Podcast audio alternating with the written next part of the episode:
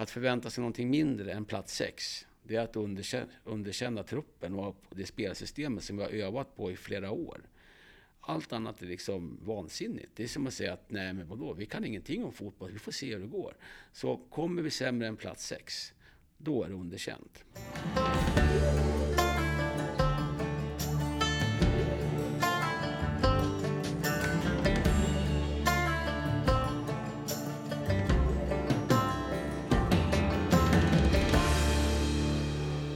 Hej och välkomna till femte avsnittet av Uppför Bågnacken. Yeah!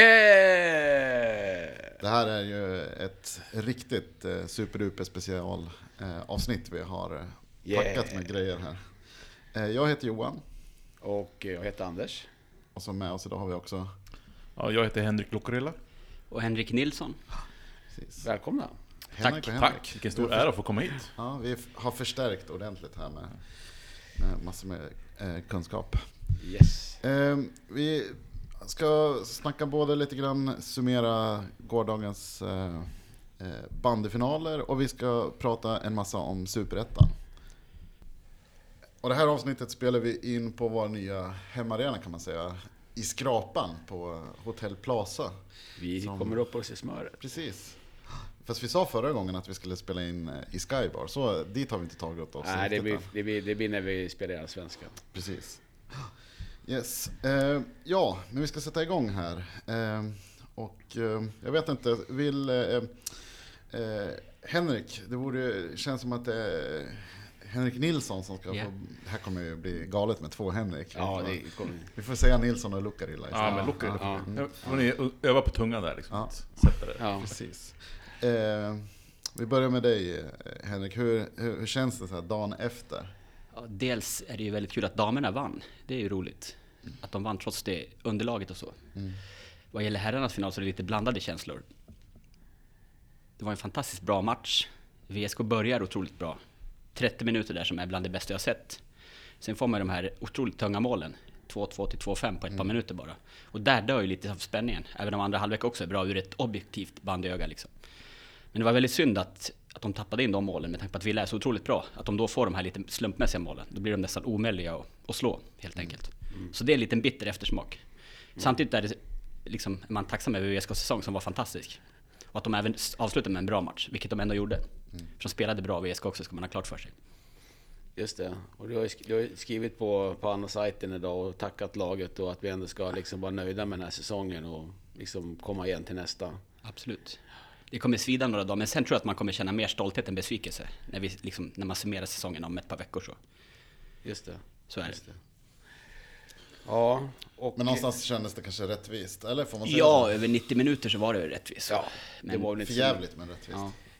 De Man hade lite grann känslan när man gick i marschen där till arenan att liksom, det här blir svårt för VSK. Det är standardeller av Villa-fans och precis. ja, men det kändes som att ska Det VSK kändes- fixa det här ska, då måste de till överjordes liksom. För det är ett extremt bra lag de har, Villa, från målvakt till topparna. Så Mm. det krävdes århundradets skräll, eller århundradets prestation av VSK tror jag, för att Ja. vinna. Och de var ju nära där i första, men det räckte inte. Nej, Så vi måste kora Villa som rättmätiga vinnare helt enkelt. just det. Och hur, da, om vi går över till dammatchen då, vad ska vi säga om den då? Det var ju lite tuffare förhållanden. Ja, tuffare förhållanden, så de kunde väl inte spela sitt spel som de har gjort kanske under serien. Så. Nej. De hade väl lite tur. Skutskär var väl bra under stora delar också, med sina ryskor. Men det var starkt att komma tillbaka och ta straffarna. Just det, för det var... Nu, han, nu satt jag på tåget upp till Uppsala när straffarna gick, men hur var det? Alltså det, var, det blev bara mål på någon straff Ja, totalt ett par sett. stäcken. Ja. Det laggade på sen när jag kollade på straffarna också på bussen. Så jag, Okej. Men Nej, okej. det blev inte många mål. Det var ganska överlag dåliga straffar. Just det. Men eh, VSK fick in två i alla fall. Ja. Och det räckte. Det räckte, precis. Eh, jättekul. Vi säger stort grattis till tjejerna. Det var de verkligen värda. Absolut, jätteroligt. Hurra, vi får lägga in en fanfar här. Hurra! Eller så, får, eller så får du sjunga något.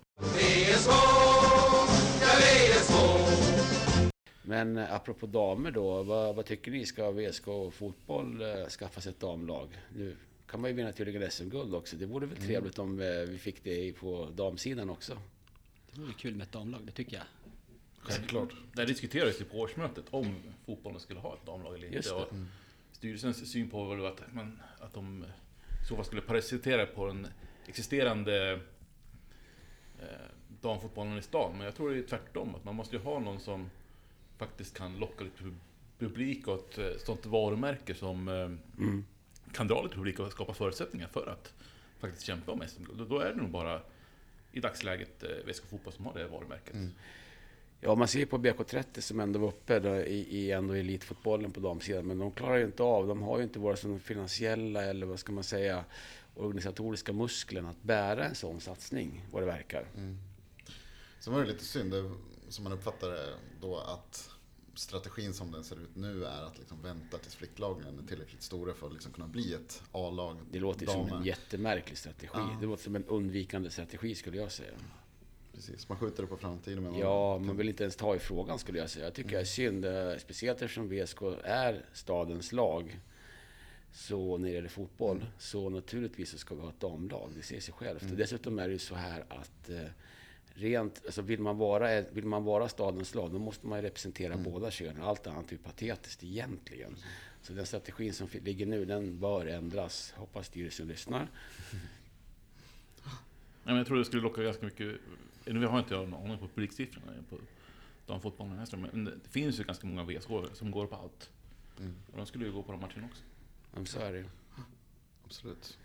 Och även om man kan också tänka så här att eh, just nu har väl eh, klubben jättemycket att göra, förberedelser och organisationen växer och så här. Men då skulle man åtminstone kunna säga att ja, men vi ska göra det här inom tre år och inte liksom inom tio år Nej, som, som men det nu, nuvarande nu är det ju tio år som gäller och det är lite, det är liksom lite löjligt Mm. nästan att prata på det sättet. För det är liksom ingen som vet, man kan liksom inte styra saker som ska hända om tio år nu. Mm. Men däremot ska man lägga en plan där man säger att man ska börja med rekrytering, man ska se till att ha juniorlag på plats, även om det bara är eh, spelare som är över i andra klubbar. Man måste ju börja någonstans. Mm. VSK måste börja bygga för den resan. Att faktiskt bli stadens lag och representera båda könen. Allt annat är patetiskt när vi pratar liksom Mm. Absolut. 2000-talet. Ja, att inte ens ha representation på damsidan i fotboll. Det är liksom underkänt Mm. big time. Så är det. Och det kan, effekten kanske också skulle kunna bli på sikt att det blir även fler kvinnor på, på läktarna på, på herrmatcherna. Ja men så är det ju. Så är det ju. Jag menar, fotboll är ju en världssport för båda könen, inte bara för herrarna. Det här är ju löj... Vi ska inte ens behöva ha den här diskussionen i VSK. Mm. Nej men då, har vi, då behöver vi inte ha det längre. Nu, har vi fattat att nu har vi... Det här ska ju bli det stora avsnittet då vi liksom går igenom allt inför eh, eh, Superettan. Eh, men då tycker jag ändå att vi ska blicka tillbaks lite grann. Ta avstamp i förra säsongen. Eh, finns det några särskilda eh, minnen från... Eh, jag vet ju att vi alla älskar division 1 norra väldigt mycket. Ja, eller hur? har ni några... närmast hjärtat. Har ni några minnen eller något sånt från förra säsongen liksom, som ni skulle vilja ta upp så här när vi lägger division 1 norra bakom oss för evigt? Ja, men jag brukar inte åka på så här jättemånga bortaresor, men jag hängde på till Skellefteå borta i seriepremiären. Och det var, tyckte jag var en häftig resa. Dels var det 60-70 VSK på plats, var en kul fest kvällen före och sen eh, inleda med 3-0-seger, Doggy och succé. Just, just där och då trodde man att man skulle springa igenom serien hur lätt som Ja. helst. Men det ja, det är ett starkt minne. Jag som är mer det omvända, jag kommer ju inte ihåg de här fina, goda stunderna. Jag tänker liksom de här... Eh, eh, forward borta var det va, som vi tappade sådär riktigt surt. Det var då jag faktiskt började för första gången tänka att det här kanske inte ska gå vägen. Alltså att det Just det. faktiskt är så att det, nu kommer det gå åt helvete istället. Vi kommer inte eh, eh, gå upp. Och det var liksom... Eh, sen allt som hände efter den matchen vart som en referens liksom, mot den. Man sa ja men nu vi tar oss sakta liksom, upp igen liksom, till... Eh, även om vi hela tiden var eh, topplag. Så. Men var det inte en väldigt ångestfylld höst? Alltså hela... Ja men vi skulle vinna del- allt ja, hela ja, tiden. ja, det det var det som gällde. Helt orealistiska förväntningar egentligen att man ska gå, gå Ja, rent. nu, tog, nu, tog, nu tog ni mitt, mitt minne. Jag tänkte just säga det. att Minnet är ju liksom ång, all ångest som man har bar på hela säsongen. Från man sparkade loss då första bolltouchen i Skellefteå. Så var det ju bara ångest. Även om det var fint spel och allt så, sådär, så visste man att det här måste upprepas nu i 29 andra matcher också för att man ska kunna vinna serien. Så det var ju just det som man fick bära med sig hela säsongen. Ångesten över att... eh, Och, och den här krampaktiga känslan av att laget måste prestera. Annars går det här åt helvete. På riktigt. För det var ju hela tiden så att det var något lag som flåsade oss i nacken. Först Karlstad och sen Syrianska då på hösten. Så det, var ju, det var ju inte givet på något sätt. Vi var ju bara några förluster bort från att inte ha vunnit serien. Jag tycker ångesten var betydligt mildare än 2015, men det var ju ändå krampaktigt efter just den matchen mot forward som du nämnde Johan. Så jag håller med. Men det var ändå, man hade ändå någon form av positiv känsla att det skulle gå vägen ändå. Hade jag i alla fall. Jaha, kul för dig.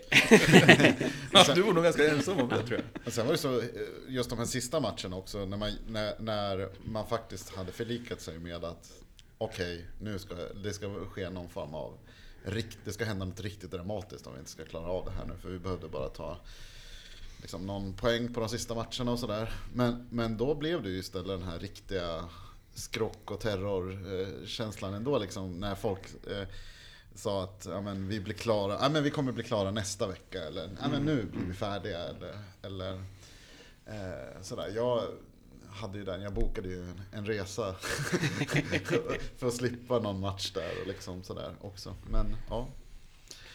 Tack. Sandviken. för- Tack Sandviken för att för- ni finns. Ja, för Vi att- ska aldrig glömma er. Ja men den känslan är väl också önska. När, när Sandviken slog, nej, var det, slog de Ja, Syrianska? de slog Syrianska, Och fixade liksom anfallet. Ja. det var jäkligt skönt. Mm. Då Ja. ville man ju bara gå ut och festa liksom. Ja, Ja, det var Exakt. jätteskön känsla. Då gick telefonerna varma sen där, Ja, liksom, på ja. planeringen. ja, toppen. Det var 2018 det.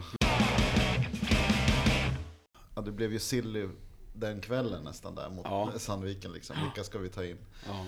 nu? Hur tycker ni att, eh, att det har gått då, liksom, silly-cirkusen med VSKs värvning? Ja, men alltså, jag är ändå nöjd med några värvningar. Alltså, Sean känns ju jättebra. Jag tror att det är ganska många spelare som kommer ta en plats i startelvan. Mm. Om inte om ett år kanske. Ju kanske inte redo just nu, men på sikt Mm. kan det bli bra.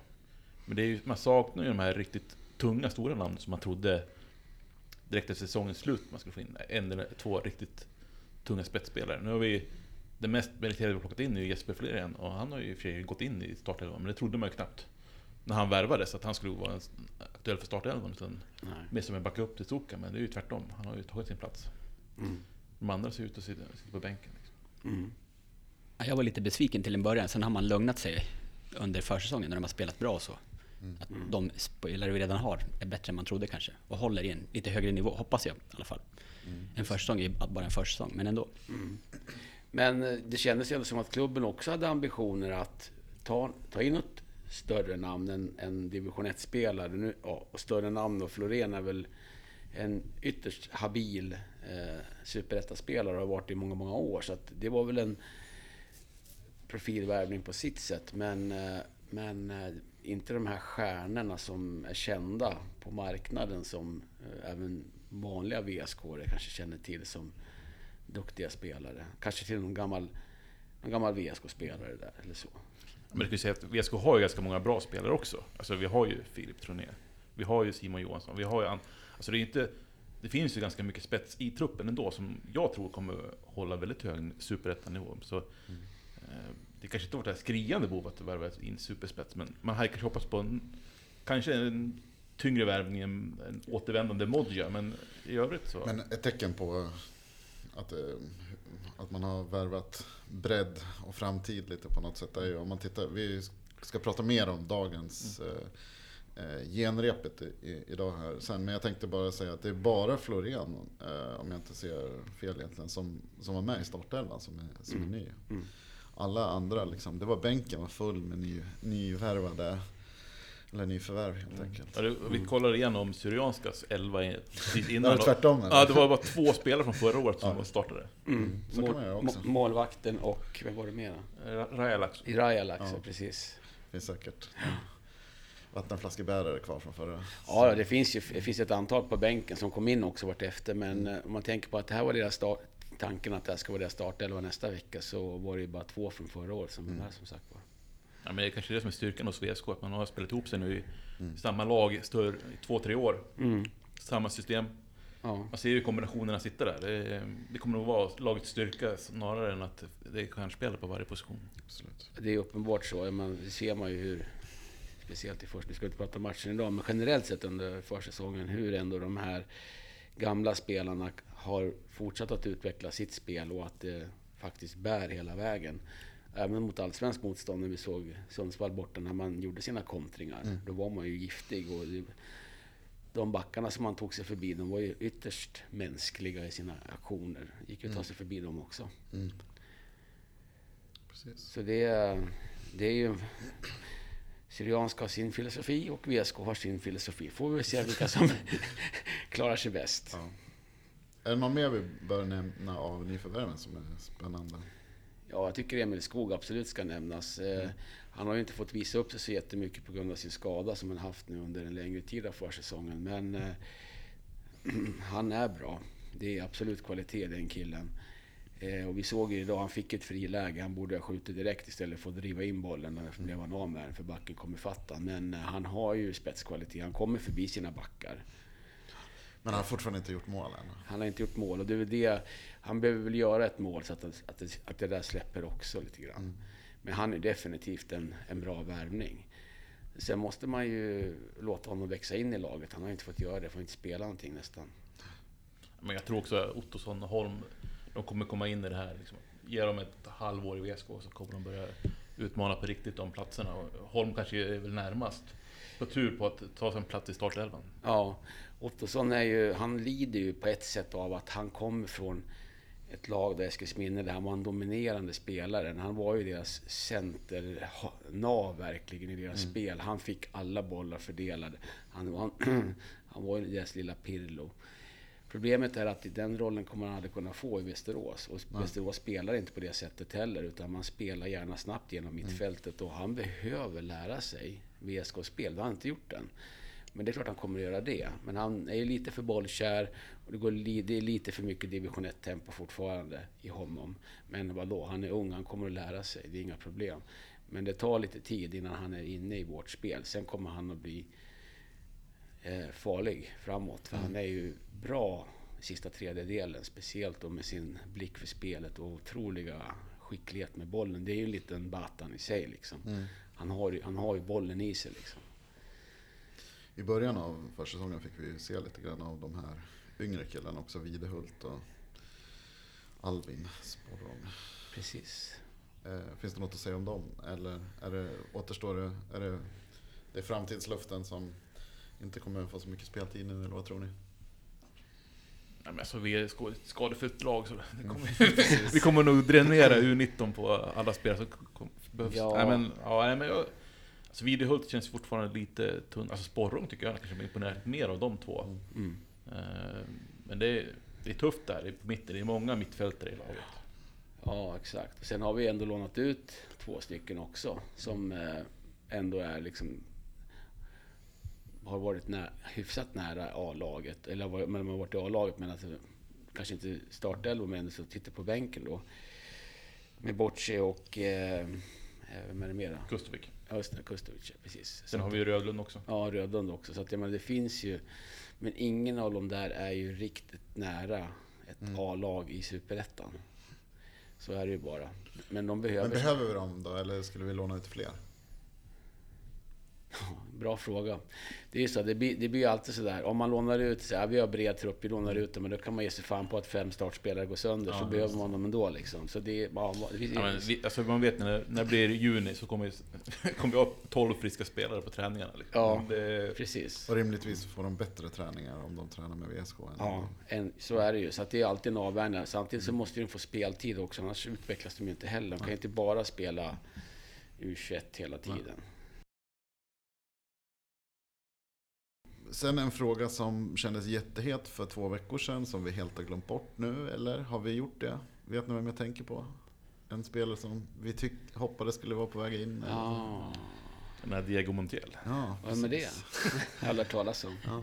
Det lät ju, för två veckor sedan så lät det, då rapporterade VLT skrev väl liksom flera eh, artiklar om dagen, Anno skrev väl eh, någon om dagen i alla fall. och lite sådär. exakt, exakt. Och det kändes jättehett. Sen kom det liksom lite av sig. Hur tror ni att det blir? Blir det Montiel i VSK?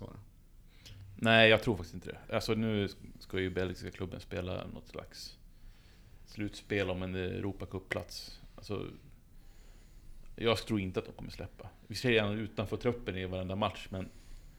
Ja, nej.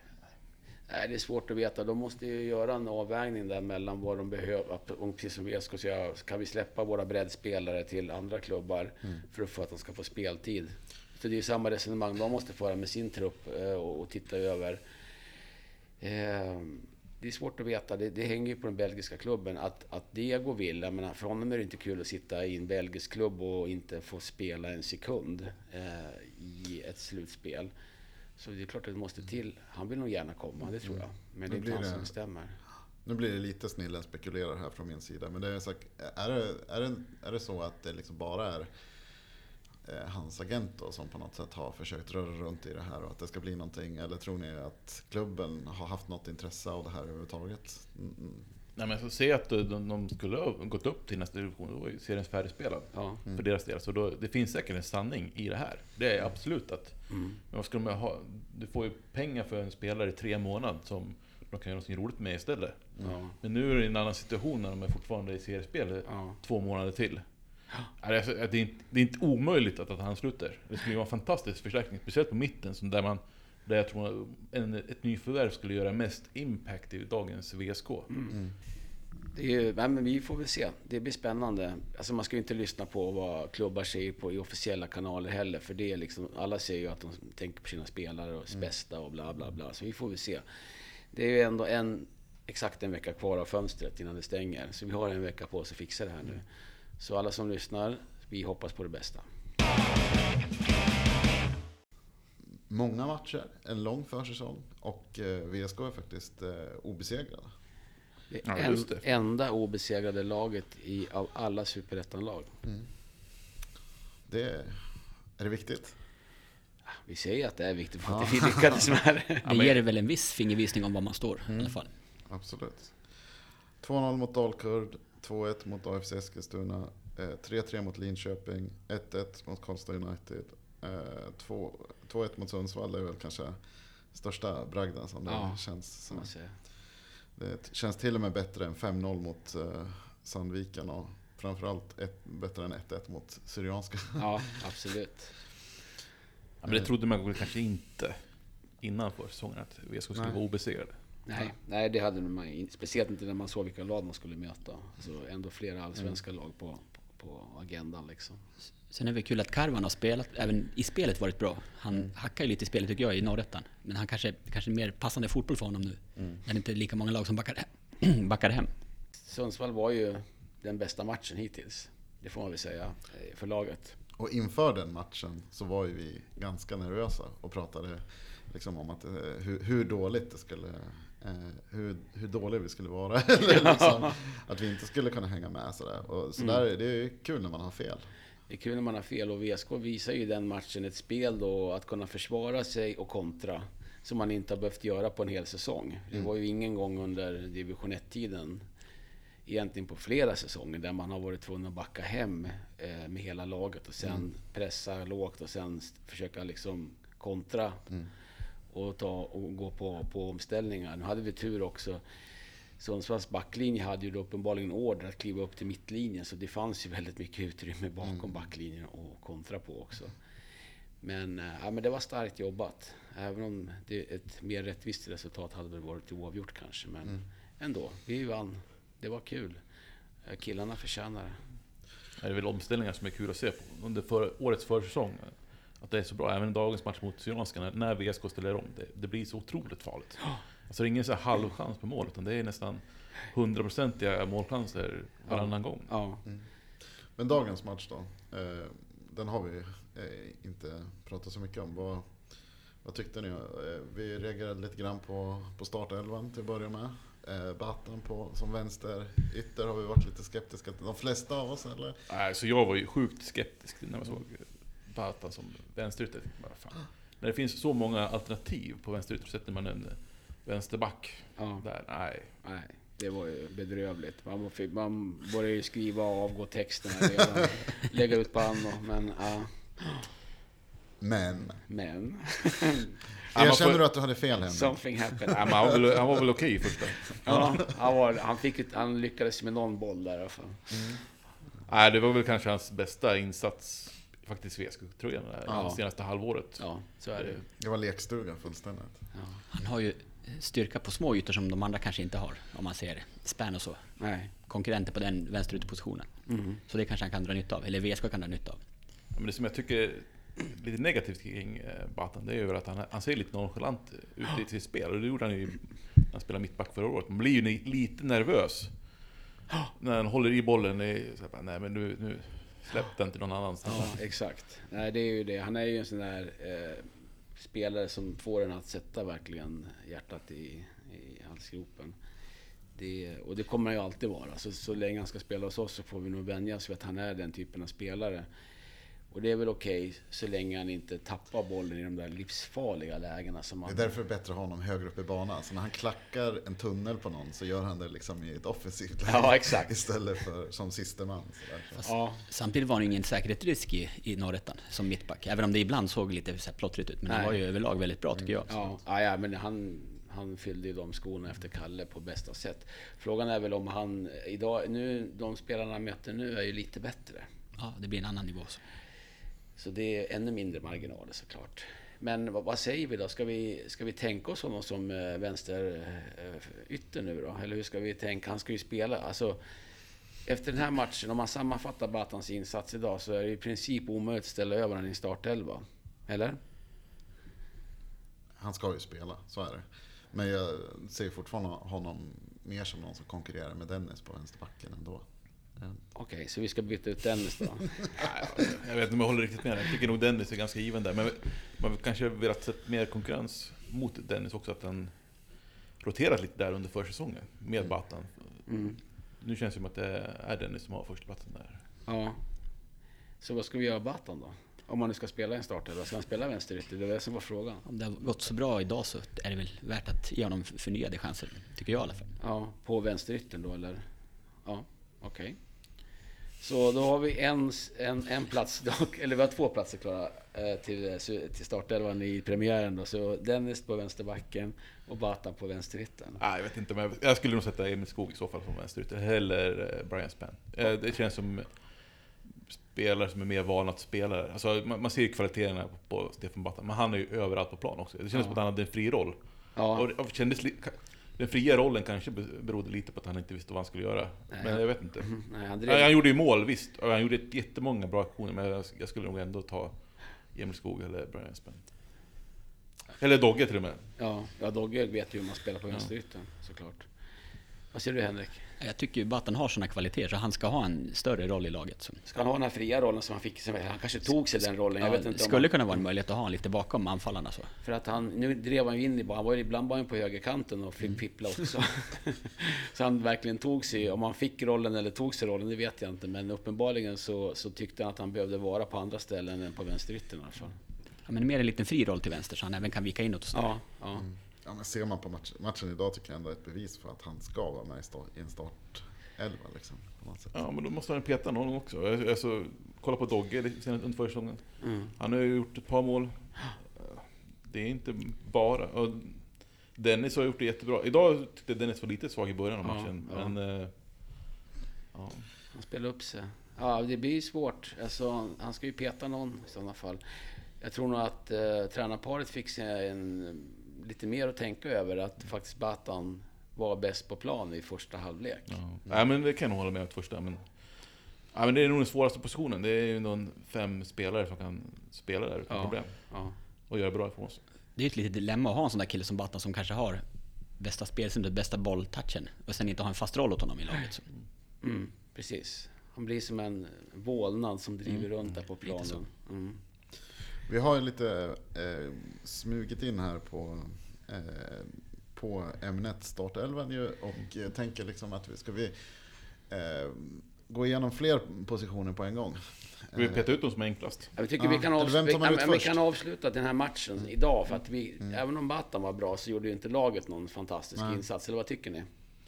Ja, men första var ju riktigt bra. Alltså, Syrianska inledde första fem minuterna riktigt bra mot VSK.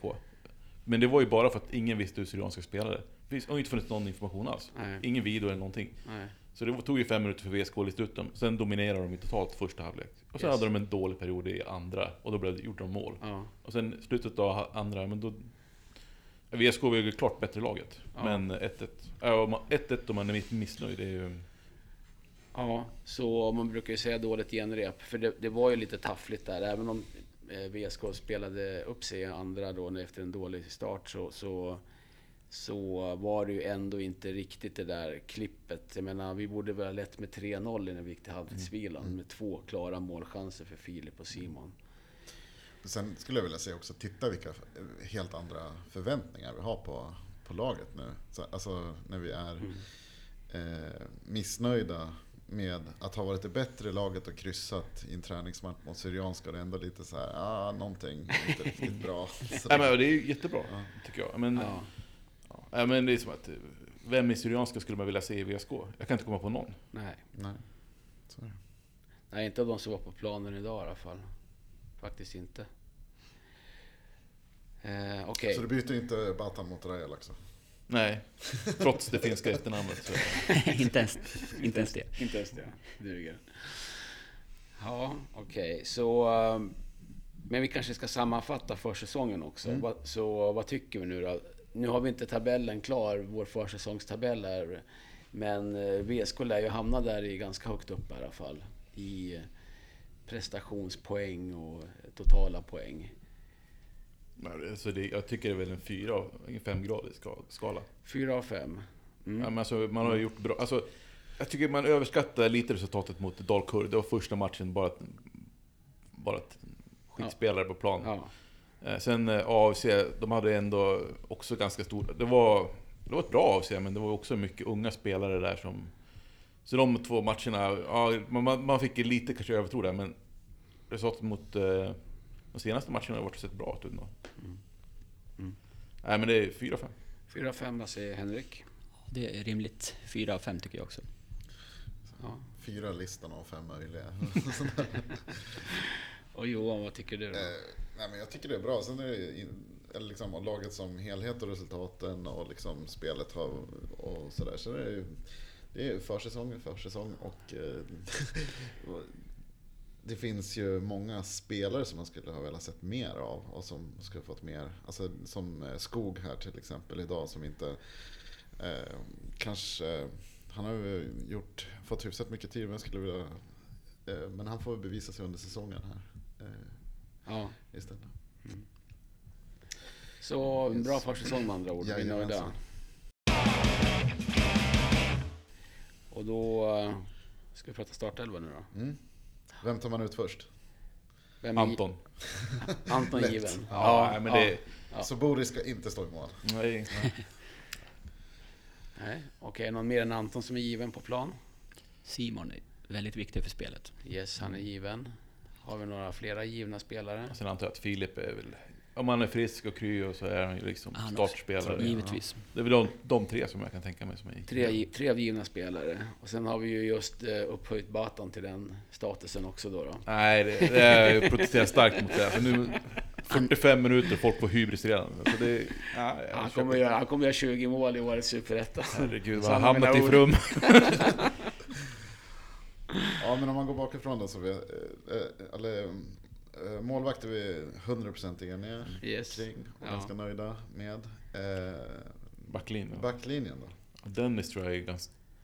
Jag tror att där råder det en konkurrens med han och Batan. Mm. Men det ser ju ut som att det blir Dennis. Jag, för mig är det helt okej, men jag vet att folk tycker annorlunda. Nej, alltså jag, jag, jag, håller med, jag håller med dig att det borde, man borde ha roterat den positionen för att se hur spelet funkar med respektive spelare på, på plan.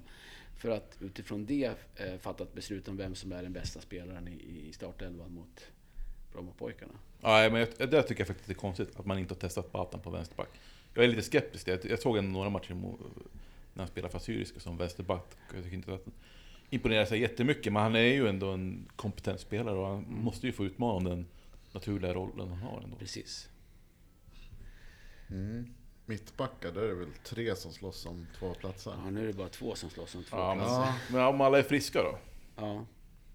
Ja, men hur, vi vet inte exakt vad som hände idag. Nej, vi vet inte vad som händer med Kalle, Kalle idag. Men, men eh, nej, vi utgår ju från att ja, om nu alla är friska, vad, vilka plockar vi ut då? Jag skulle nog plocka ut Sean och eh, Kalle. Mm. Jag tycker Sean har ändå framtiden för sig. Ja, han håller minst samma nivå har- som i Lir. Och då, då tycker jag man ska satsa på den som man tror kan utvecklas mest under säsongen. Och då, det tror jag faktiskt att Sean är. Mm.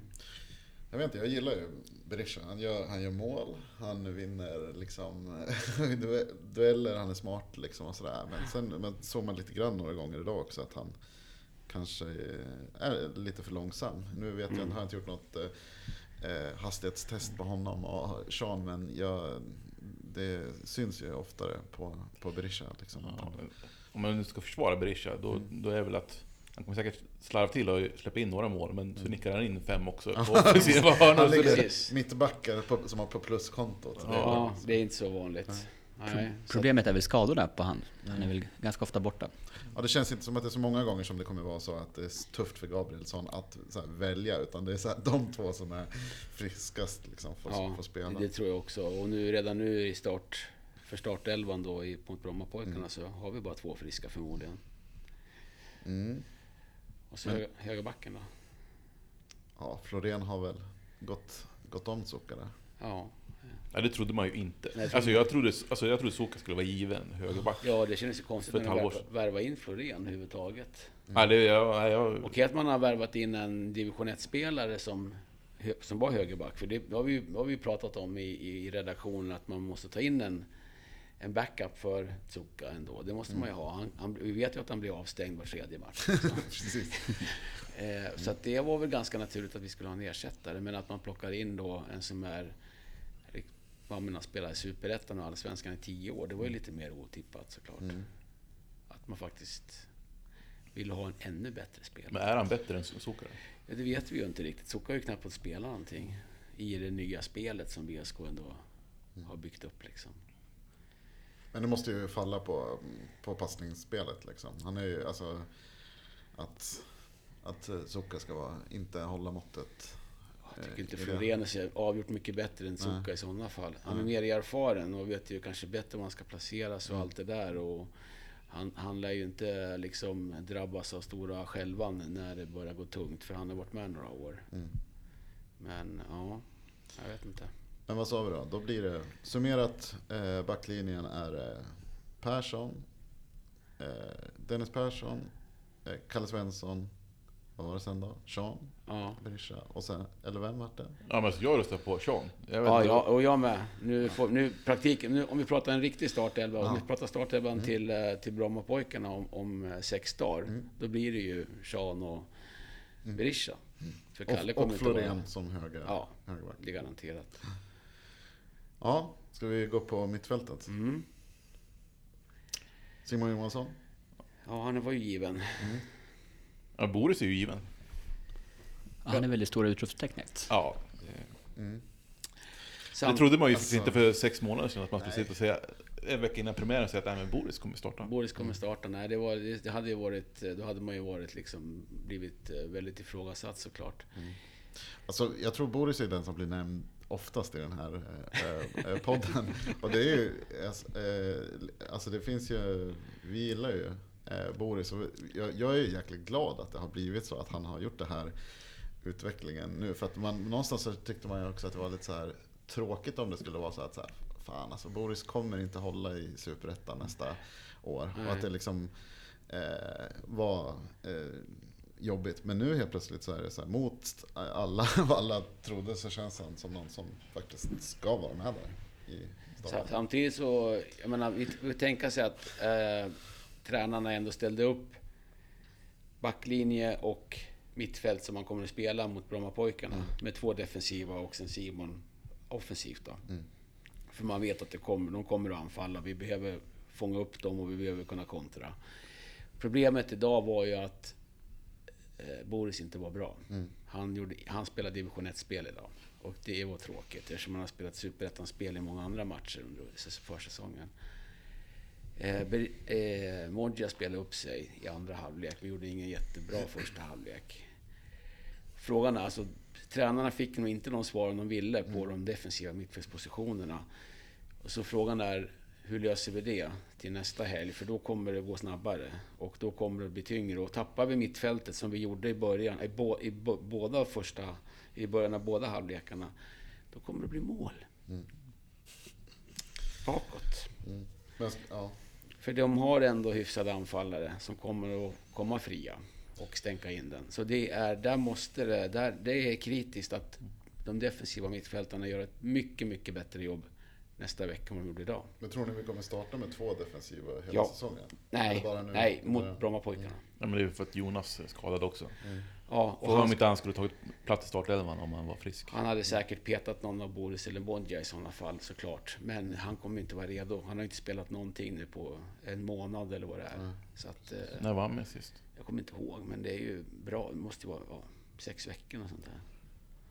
Framåt Då hade vi, eh, men är det alltså den, den bästa startelvan till, eller bästa mittfältet just nu är det som spelade idag? Nej, men det är de som kommer att starta mot eh, Brommapojkarna av naturliga skäl. Att vi kommer att vara ett försvarande lag. Och gå på kontring. Ja. Och då är, det, då är det vettigt att ha två defensiva mittfältare på plan som suger upp deras anfall och ser till att slå bollar så vi kan göra omställningar. Precis som mot Sundsvall. Och offensivt, Troné på högerkanten, Safari i mitten. Och, Och... Ja, det där är ju frågan alltså. Ja. Någonting som börjar på B på vänster då. Batan till vänster. Ja. Men jag ser eh, skog på vänster. Nej, men det, jag tror att det där kommer vi sitta och diskutera all, hela säsongen. Säkert. Vem som ska vara vänsterytter. Ja, för det finns... Eller när, vi har så många. Liksom. Ja, eller så kommer. Montiel att ha det. Ja men det är ju också, om vi värvar honom. Ja. Då, då ändrar sig förutsättningen. Vad ska han då? Ja, vad ska han Då spela får Batan någonstans? inte ens plats på bänken. Batan får bära flaskorna. Ja, jag vet inte. Jag tycker vi blir lite bättre med boll med Batan och Filip som yttrar. Ja. På små ytor. Kan Ja. hitta karvan bättre och så. Så ur det aspekten är det en fördel. Mm. Okej, så eh, nu har vår största Batan-fan här då bestämt att Batan startar till vänster på, på, på lördag. Ja, jag tror att det blir så. Vi röstar här också. Nu, så, nu är det inte Så. vi som bestämmer, men... Nej, ja, det är väl tre mot en här. Fan, det är jävligt. Ja, Ingen respekt. Nej, ingen respekt mot, mot Skog här som borde ta den platsen. Ja, det blir spännande. Det är ju kärt besvär för tränarna såklart. De har mycket att vara oroliga för när det gäller mitten, för där funkade det inte alls idag eh, i stunder. Eh, framåt har de inga problem, det finns för mycket att välja på. Och backlinjen är ganska given vilka som startar. Det har alltså tagit oss en kvart eller någonting nu för att komma fram till att vi vill typ ha samma startelva som Gabrielsson i stort sett.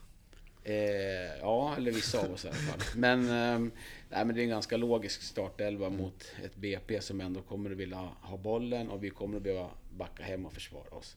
Det vi såg idag var ju det spelet vi kommer att få se mot BP. Vi, vi pressade inte jättehögt. Vi backade hem ungefär till mittlinjen. Vi körde inte den här tokpressen. Utan vi tog det ganska lugnt, ungefär som vi gjorde mot Sundsvall. Och eh, sen försöker vi gå på omställning och som ni såg i första halvlek så lyckades vi jättebra. Och kan vi få till det spelet på lördag så har vi absolut chans att ta poäng. Vi har ju alla läst Expressens eh, guide här, så nu kan vi ju allt om, Ja, om Superettan. exakt. Fan, vilket skämt det var. Alltså, f- hade de bara kollat upp någon, med någon västeråsare så hade man kanske inte satt de, de betygen. Vilka var det de hade lyft? Batan fick ju fem getingar. ja. Ja, men det var varför han fick det? För att han Ja, men- möjligen råkar vara en känd spelare. ja, men Jesper Florén var väl nyckelspelaren i VSK. Ja. Man bara, ja men eller Ja. inte. Nej, Ja. kanske inte var den första man tänkte på. Ja, men de tre bästa i VSK är ju Anton, Filip, Simon. Det tror jag alla skriver under. Och Ja. De var liksom treor i betyg. Ja, nej, de, Eh, de hade ingen koll. Nej, det var jättedåligt jobb från. Ja, det var uselt research där. Men så är det ju. Så är det ju. Får se om Aftonbladet har någon bättre idé. Och deras kom ut den 28 här nu då. Mm. Så kan man läsa den då. BP. Ja, vi kör med BP för de är ju ändå premiärmotståndare. Eh, Och BP som lag tappade ju väldigt mycket spelare inför säsongen då eftersom de såklart åkte ur och alla deras tongivande spelare drog ju i princip. Och har ju fått byggt, inte, ja, ja, i ganska stor utsträckning ett nytt lag. Så att det är klart att eh, de har eh, haft samma problem som eh, Syrianska har, det vill säga att spela upp ett nytt lag av de spelare som har kommit. Det har kommit in bra spelare, absolut. Precis som det gjort i Syrianska. Men vi såg ju idag vilken tid det tar att spela ihop ett lag. Man kan inte bara värva ihop ett bra lag och sen så får det fungera på några veckor. Så de har ju haft en tuff försäsong också. I alla fall om man förväntningarna var att de skulle vara liksom riktigt bra. Och sådär. Eh, Men de har ju värvat in Oskar Persson från Sirius som naturligtvis ska styra deras försvar. Han är ju nästan och åldermannen i försvaret, 30 bast. Och det kommer han att göra såklart. Han har gjort det i många år nu för andra föreningar och det kommer att lyckas här också såklart. Det ryktas ju om att han var på väg till VSK. Ja, det men, var att, han. men att BP bjöd över. bjöd över helt enkelt. VSK kunde inte följa med i löneracet och det var väl klokt. Sen har man ju mittfältet, har man ju kvar sin eh, eviga trotjänare, lagkaptenen då, Gustav Sandberg Magnusson då, eller GSM som han kallas. Och som har spelat i föreningen typ i 10 år fast han bara är 27 år gammal. Och han är ju en slitvarg och riktig lagspelare som håller god superettan-klass. Och sen har man ju också då från förra året då Erik Johanna Omondi som, som gjorde en bra säsong. Spelade nästan alla matcher i, i Allsvenskan och, och gjorde det bra. Eh, så mittfältet är välförsörjt. Och så har man ju fått in då Dusan Jajic från Hammarby som är frågetecknet. Kan han lyfta det ytterligare till att bli det här allsvenska mittfältet som man behöver ha om man ska vara med där allra högst upp och kriga? Och det är en fråga. De andra två är habila spelare, men ska man ha krydda på mittfältet då är det han som ska stå för det. Får vi se om han fixar det. Han är ju bara 20 år gammal så han kanske inte riktigt är där än, men det återstår att se. Problemet för BP är väl... Men det som man säger så här, deras mittfält är bättre än VSK som man säger så. Så det behöver vi ju, där behöver vi verkligen göra en kanonmatch för att få stopp på det. En, Sen- Sundsvalls, en, en en Sundsvallsinsats. En Sundsvallsinsats, exakt. Och på, som anfallare har man ju då Filip Hellqvist som spelade förra året i föreningen, gjorde fem mål på 17 matcher. Det är väl okej om man översätter det till eh, en hel säsong så blir det nio mål då. Och eh, sen har man också Alexander Nilsson som spelar i, i eh, klubben då. Gjorde bara några mål så att eh, där behöver man väl kanske... Är det någonting man ska vara orolig för när det gäller BP så är det deras målproduktion. Mm. Man har också fått in då Albin Linnér från, eh, från AIK då, som är en ung kille på 20 år som har framtiden för sig. Men, ja, Jag tror faktiskt att eh, VSK har bättre anfall än vad BP har. som lagdel så är den absolut VSKs anfall tror jag är bättre än, än BP's. Men de är ändå topp, tipp, eller tippade liksom att vara topp Ja, tre av i stort sett alla. Mm, ja. Jag tror inte att de kommer att komma topp tre. Det tror inte jag heller. In, då måste de verkligen få upp ett riktigt bra lag för att de individuella kvaliteterna är goda men de är inte exceptionella. Nej, men det, de kommer vara på övre halvan, men de kommer inte vara topp tre. Så någonstans där. fyra, Nej, tre, jag tror åtta. inte heller det. Precis. Nå, nå, kanske en, alltså en sjätte, inom en sjätte plats. Mm. Ska alltså topp sex. Och hur, eh, slänger du med spontant som om det vore världens enklaste. Hur går det i premiären då ungefär så här? Ja, men det- ja, men Rovi, eller liksom om man är, om ni säger sjätte plats, vi har ju, då är de bara snäppet bättre än, än Jag tror faktiskt att VSK vinner. Vi ska ha goda chanser. BP har ju, som alla lag kommer att ha nu i början, okunskap om VSK. Och vet inte hur, man, hur VSK kommer att spela. Man har sett videos och sånt där, men man har ju inte känt på spelarna så att säga. Så VSK har ju, kommer att ha den fördelen eh, över tid nu att man bara försöker köra på. Man vi vet inte heller vad man möter, men man vet att man, måste göra en bra match hela tiden, annars förlorar man. Och det där psykologiskt så räcker det ganska långt. Och i en premiär då när eh, spelarna kommer att vara toktaggade och vara understödda av 5, 6, 700 personer som står och skriker VSK. Så kommer det att bli en resa. Kommer gå, kommer gå undan. Mm. Men de hade ju en fiffig grej där, BP i alla fall, för att få dit mycket folk på premiären. Det här att de, alla deras lag ska komma dit för att få sina matchtröjor för året. Det är fiffigt. Hur, hur, många, hur många är det nu? 700 000 spelare de har? Eller? Det kommer vara fullt på Grimsta. Ja, Det kommer vara köer. Men är inte det BP's svaghet? Alltså det är många som spelar i BP, men det är ingen som hejar på BP. Nej, exakt. Ja, det är som att, ja, men hur många som spelar, även i A-laget. De har jättemånga duktiga spelare, men hur många är det som verkligen känner för eh, BP? Ja men det är en eller två spelare. Ja. Alltså kolla i VSK, det är halva startelvan är ju liksom... Ja men de, de älskar ju VSK. De Mm. brinner för det här och kommer ge allt. Ja, Det här är ju liksom det de har drömt för i flera, flera år. ja, ja visst. De kommer ju ge järnet. Så är det. Ja, jag tror ganska starkt på VSK. Även om det är oddsbolag och spelbolag, de, här, de, de tror inte alls på VSK just Nej. i den matchen. Men nej, jag tror det blir så här 1-2 till VSK. Okej, men då ehm, har vi ju framför oss också och tänka på hur det kommer att gå i serien. Vi ska inte bara, vi ska ju, alltså som alltid ska man ju summera, inte bara Expressen som ska summera det hela. Så eh, då har vi faktiskt frågat ett antal experter, riktiga experter på hur det kommer att gå. Vi ska få höra några stycken nu faktiskt här. Vi har bland annat pratat med tidigare VSK-spelaren och tränaren Erik Akar. Som idag är tränare för Vallbylaget Syrianska IF Kerberan. Han tycker att VSK ser väldigt stabila ut och har ett lagbygge bestående av spelare som funnits med i klubben länge. Och det menar han ger trygghet i kollektivet. Han hade gärna sett att klubben värvat en riktig target forward och en riktigt bra central mittfältare och är lite skeptisk till strategin att satsa på breddvärvningar. Han tror ändå att VSK blir ett stabilt mittenlag och klarar sig från nedflyttning. En annan VSK-are som vi pratat med är Fredrik Gisan Giesecke. Eh, idag är han tränare i Vik Fotboll, men han följer VSK ändå. Och tycker att det är positivt att man eh, värvat spelare som har varit dominerande i sina lag. Men då kravbilden är större i VSK återstår att se om de kommer lyckas. Gisan tror ändå på VSK i Superettan. Och anser att målsättningen bör vara att hänga kvar. Sen får man ta ytterligare ett steg nästa år. IK Frankes tränare Alexander Rubin tycker att VSKs lagbygge ser bra ut. Han gillar Gabrielsson, att, att, att Gabrielsson lyckas få en kontinuitet i truppen. Vilket han tror kommer ge positiva resultat. Hur det kommer gå i Superettan tycker han är svårtippat. Men han hoppas på en placering på övre, plan, eh, på, på övre seriehalvan. Eh, vi har också fått tag på SVT Sportens reporter Dilshan Otlo och Ettan Fotbolls marknadschef Jimmy Fors som har följande att säga om VSKs chanser i Superettan. Först ut till Chanotlo. Eh, när det gäller truppbygget så tycker jag det ser väldigt spännande ut. Jag tycker att man har tagit bra naturliga steg. Det kanske bara är Florén som kommer starta av de här nyförvärven men man har skapat en bredd och en konkurrens över hela truppen. Liksom som det är en modell jag helt enkelt tror på. Jag tycker inte att man ska värva de stora namnen. Där tycker jag VSK har gjort helt rätt val.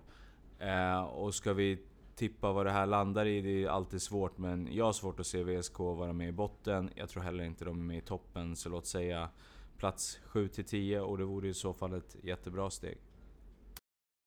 angående lagbygge och värvningar. Jag tycker att man har värvat klokt och förnuftigt och eh, fjolårssäsongens ekonomiska bakslag har definitivt varit en viktig lärdom för föreningen nu när man tar nya kliv in i elitfotbollen. De fyra spelarna som kommer från division 1 tycker jag är bra värvningar och jag tror att alla kommer konkurrera om inte se till att vara bofasta i startelvan under 2019. Sean är en kille som jag särskilt vill lyfta fram av de här. Så, inte bara för hans fotbollsegenskaper utan också för hans egenskaper utanför planen. En klok människa, en bra människa att ha i ett omklädningsrum.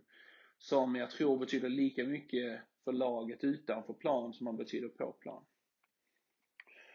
Vad gäller då placering, jag tycker alltid sånt är svårt.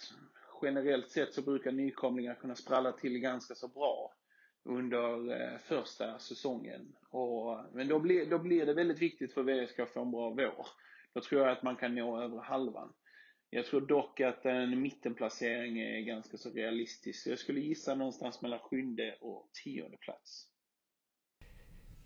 Okej, så det var experterna har att säga om oss. Och det var väl både uppmuntrande och lite, vad ska man säga, eh, uppvaknande. Att det kommer ju vara utmaningar i serien. Men eh, nu mina herrar så ska vi faktiskt eh, fundera på vad vi tycker hur det kommer att gå för VSK i den här serien som vi har längtat efter i åtta, och nu ska jag svära, jävla år. Mm. Vad säger vi? Hur kommer det att gå för våra kära grönvita krigare där ute? Vem vill börja? Ja, men jag kan börja. Men jag tror VSK slutar på en åttonde placering. Jag, tror att det är ganska, jag är ändå ganska optimistisk. Mm. Eh, vi har en bra backlinje, vi har en bra målvakt och ett bra anfall. Sen är det lite oklart hur, hur bra vårt eh, mittfält står sig i serien. Men får vi allt att funka, då, då vi kan ju vinna varje match. Det finns ju ingen som vi inte ska tro att det är kört. Liksom. Nej. Även mot storfavoriterna så, så finns ju möjligheten att ta av tre poäng. Och Mm. Den känns, känns ändå rätt okej. Så jag tror att vi blir ett mittenlag. Jag säger väl åtta. Åtta. Henrik? Om vi får en bra start så tror jag att vi kan bli ett mittenlag, sexa, sjua, där någonstans. Ja. Det vill till att man får en bra start och- och att Simon och Filip och nyckelspelarna är hela. Då tror jag att det kommer bli bra. Just det. Blir det en dålig start kan det bli lite oroväckande så istället. Mm. Mm. Så, så den blir någon form av nyckel för säsongen, starten. Starten, ja precis. Ja, men jag tror ju faktiskt att Simon, Filip och Carmen kommer ju, alla tre kommer göra mer mål än förra året. Det var en intressant prediktion. Ja. Och det blir som sagt andra förutsättningar för Karva nu när han möter andra lag än, än de som backar hem. Och när inte VSK är lika spelförande, så det kan nog Precis. passa honom. Mm. Och vad säger Johan då?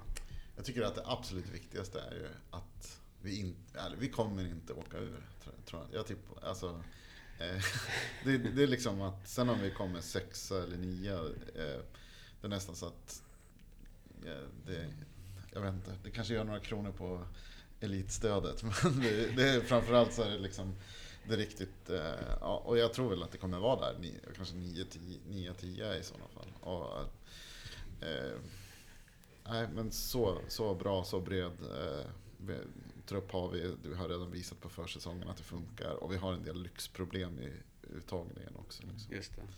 Och då var det jag kvar då. Och då ska jag liksom... Bara logiken själv då och säga så här att... Eh, vi tänker då tillbaks på säsongen 2016 i division 1 då, när vi mötte Brage. Vi fick stryk av dem i två matcher. De gick igenom serien i princip nästan rent. Eh, I alla fall de matcher som betydde någonting. Och eh, med ett, som vi då uppfattade som ett väldigt ramstarkt spel. Bra försvar, lagdelarna hängde ihop på ett fördöm, föredömligt sätt. Och eh, ja, men de var ju glasklart bäst i serien. Vi var inte en chans, hade inte en chans egentligen att ta den platsen. Vad hände 2000... Eh, eller 2017 menar jag. 2018, de började spela i Superettan. Ja, de ligger i toppen, nosar på, förs- eller på vårsäsongen på topp tre. Sjunker ner lite grann till topp sex då in på hösten när det gick tyngre och de andra lagen hade lärt sig dem. Mm. Men VSK är ju i exakt samma läge som de. De har gjort sin resa ett år före oss. Och att vi ska förvänta oss. Och då menar jag verkligen att vi gör exakt samma resa. För vi har det homogena laget, vi har behållit, vi har behållit spelarna, vi har behållit spelet. Vi har en tränare som har varit med på hela vår resa från 2015 och framåt. Att förvänta sig någonting mindre än plats sex, det är att underkänna, underkänna truppen och det spelsystemet som vi har övat på i flera år. Allt annat är liksom vansinnigt. Det är som att säga att nej men vadå, vi kan ingenting om fotboll, vi får se hur det går. Så kommer vi sämre än plats sex, då är det underkänt. Det är ganska tufft ändå. Alltså, systemet, tränaren, spelarna som är vana med systemet, viljan och liksom allt som finns runt omkring med stöd och supportrar och sådär. Ja, det är topp sex. Eller Men sjätte Jag tror, plats. jag tror ju att eh, VSK absolut kommer vara topp 6 innan sommaren. Men så kommer den här höstdippen komma som drabbar nästan alla nykomlingar. Och då kommer vi hamna på en åttonde placering. Ja, ja där, nu, ni är för pessimistiska. Jag Det- resonerar faktiskt också så som Henrik. Ja, ja ni, ni är inte ens VSK. Det är jag som tror att det kommer vara 10 eller något istället. Det är ja, men det är intressant. Vi, vi får se. Eh, vi ska gå vidare. Vi ska faktiskt avslöja en sak i den här podden. Mm. För eh, ni, alla som har följt Anno vet ju att Anno har köpt en, eh, en VSK-spelare. Okej, vem är det då? Vi langade in 10 bagare och så fick vi en spelare som vi får göra vad vi vill Som med. ska nu. vara med och så här eh, hämta Ja, vi, vatten vi på- får göra på vad vi vill med den här spelaren, jag förstått. Jag frågade ordförande "Ja, men ni får göra vad ni vill. eh, nu ska vi avslöja vem det blev. Mm. Vi, vi blev ju bara tilldelade en. Men Anno-spelaren för 2019 är... Tada! Anton Fagerström. Det är helt sjukt, hur fick ni tag på honom? Alltså det är liksom riggat känns det som. Det känns, jaha, ja, jag vet inte. Jag, jag, jag frågade då eh, ordföranden, vi behöver reda på till podden vilken eh, spelare vi har fått. Så bara meddela, ni har fått Anton Fagerström. Okej, så. Ja. Ja, men man kan ju tänka sig att med den säsongen som han hade förra året så var han ju bäst. Han fick Ja. ju... Annos hjärtan och han var, fick även klubbens pris som bästa spelare. Så det, Ja, och i och med det här kommer han garanterat bli bäst i år igen. Och Ja, det är, exakt. Nu äger vi honom och får göra Ja. vad vi vill. Och kan, är det någonting vi ska... Vi måste beordra- bidra till att höja marknadsvärdet ännu mer. Exakt. Är det någonting klubben ska göra för honom, nu kan vi ju bestämma så här. Vi kan ju ringa ordföranden och säga du Anton behöver det här och det här. Är det, är det någonting vi ska... Är det något han behöver? Ska han kanske bli lagkapten eller? Ja, Ja, vi får väl se. Men det här innebär ju att Anton kommer att, att höjas till skyarna oavsett spel såklart då i, i anno-sammanhang i alla fall. Så det är jättekul. så han vinner Annos hjärtan 2019. Ja, det är redan på förhand givet såklart. Eh, och det finns ju en del perks om man är anno-spelare, så måste det ju vara. För, det, för tävla om andra platsen. Ja, exakt. Det blir så för spelarna. Ja, men vad kul, då vet vi det. Kul Anton, vi hör av oss. premiären, Superettan-premiären. Eh, hur taggade är ni? Ja, jag är ju grymt taggad, men tyvärr kommer jag sitta i en skrubb och mata in gymnastikpoäng på min dotters gympatävling. Men, men jag har hittat att jag kommer se första halvlek och sen en kvart på andra. Sen blir det liksom att börja knappa in poäng. Men, Jaha. miss. Mm. Det är otroligt skönt att slippa norrettan faktiskt. I, i, grymt kul med superettan så jag är också jättetaggad. Precis.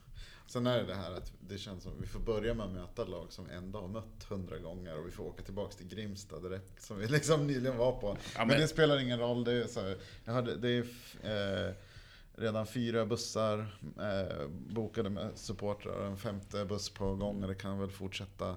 Och det kommer ju välla in eh, som VSK-boende i Stockholm och andra och sådär. Så det kommer bli riktigt eh, bra tryck tror jag på, på VSK-läktaren. Ja, det lär ju vara minst 500-600. Mm. Eh, åh, precis. Och sen har vi hemma premiären. Känns det som att det är någon eh, hype kring det ändå? Eller har inte kommit än riktigt? Det börjar väl kanske nu efter bandyfinalen? Ja, det, alltså, nu- jag, jag tror att det kommer bli galet.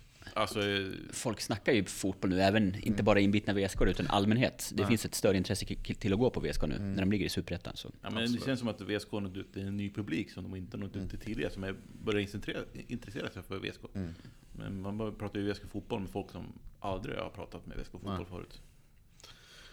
Nej, exakt. Och jag känner det också. Jag har till och med en vän som har varit väldigt principiellt så att han sagt så här, nej jag tänker inte gå på VSK igen förrän de är i Superettan. Och nu är det liksom i alla fall att, och det är väl någon form att man har, jag tycker att division 1 är, är, är skit. Jag hade ju gått på VSK, man har varit på Videlöv Cup, då kan man väl gå, eller VLT-cupen, då får man väl på Klinta IP.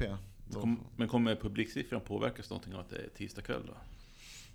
Jag tror nästan att en premiär skulle vara bättre att ha på helgen. Det här med, att det, med inramningen och mer tid runt omkring och det här med att man vill ha marschen och alla sådana här saker. Men, eh, men annars sen i serielunken, då tycker jag liksom att vardagarna är, är, eh, är perfekt. Egentligen. Ja, det vore kul om vi kunde komma över den här 6000 och Mm. ta det publikrekordet som är lite... Ja, absolut. Vi, alla, alla får dra sitt eh, strå till stacken och tvinga med en eller tre från jobbet. Nu har ni hört eh, eh det stora inför Superettan eh, avsnittet eh, och eh, eh, härifrån Hotell Plaza i Skrapan eh, skickar vi ett eh, tack till er som har eh, lyssnat och vi ses eh, på Grimsta IP. Ha det bra. Hej. Hej då.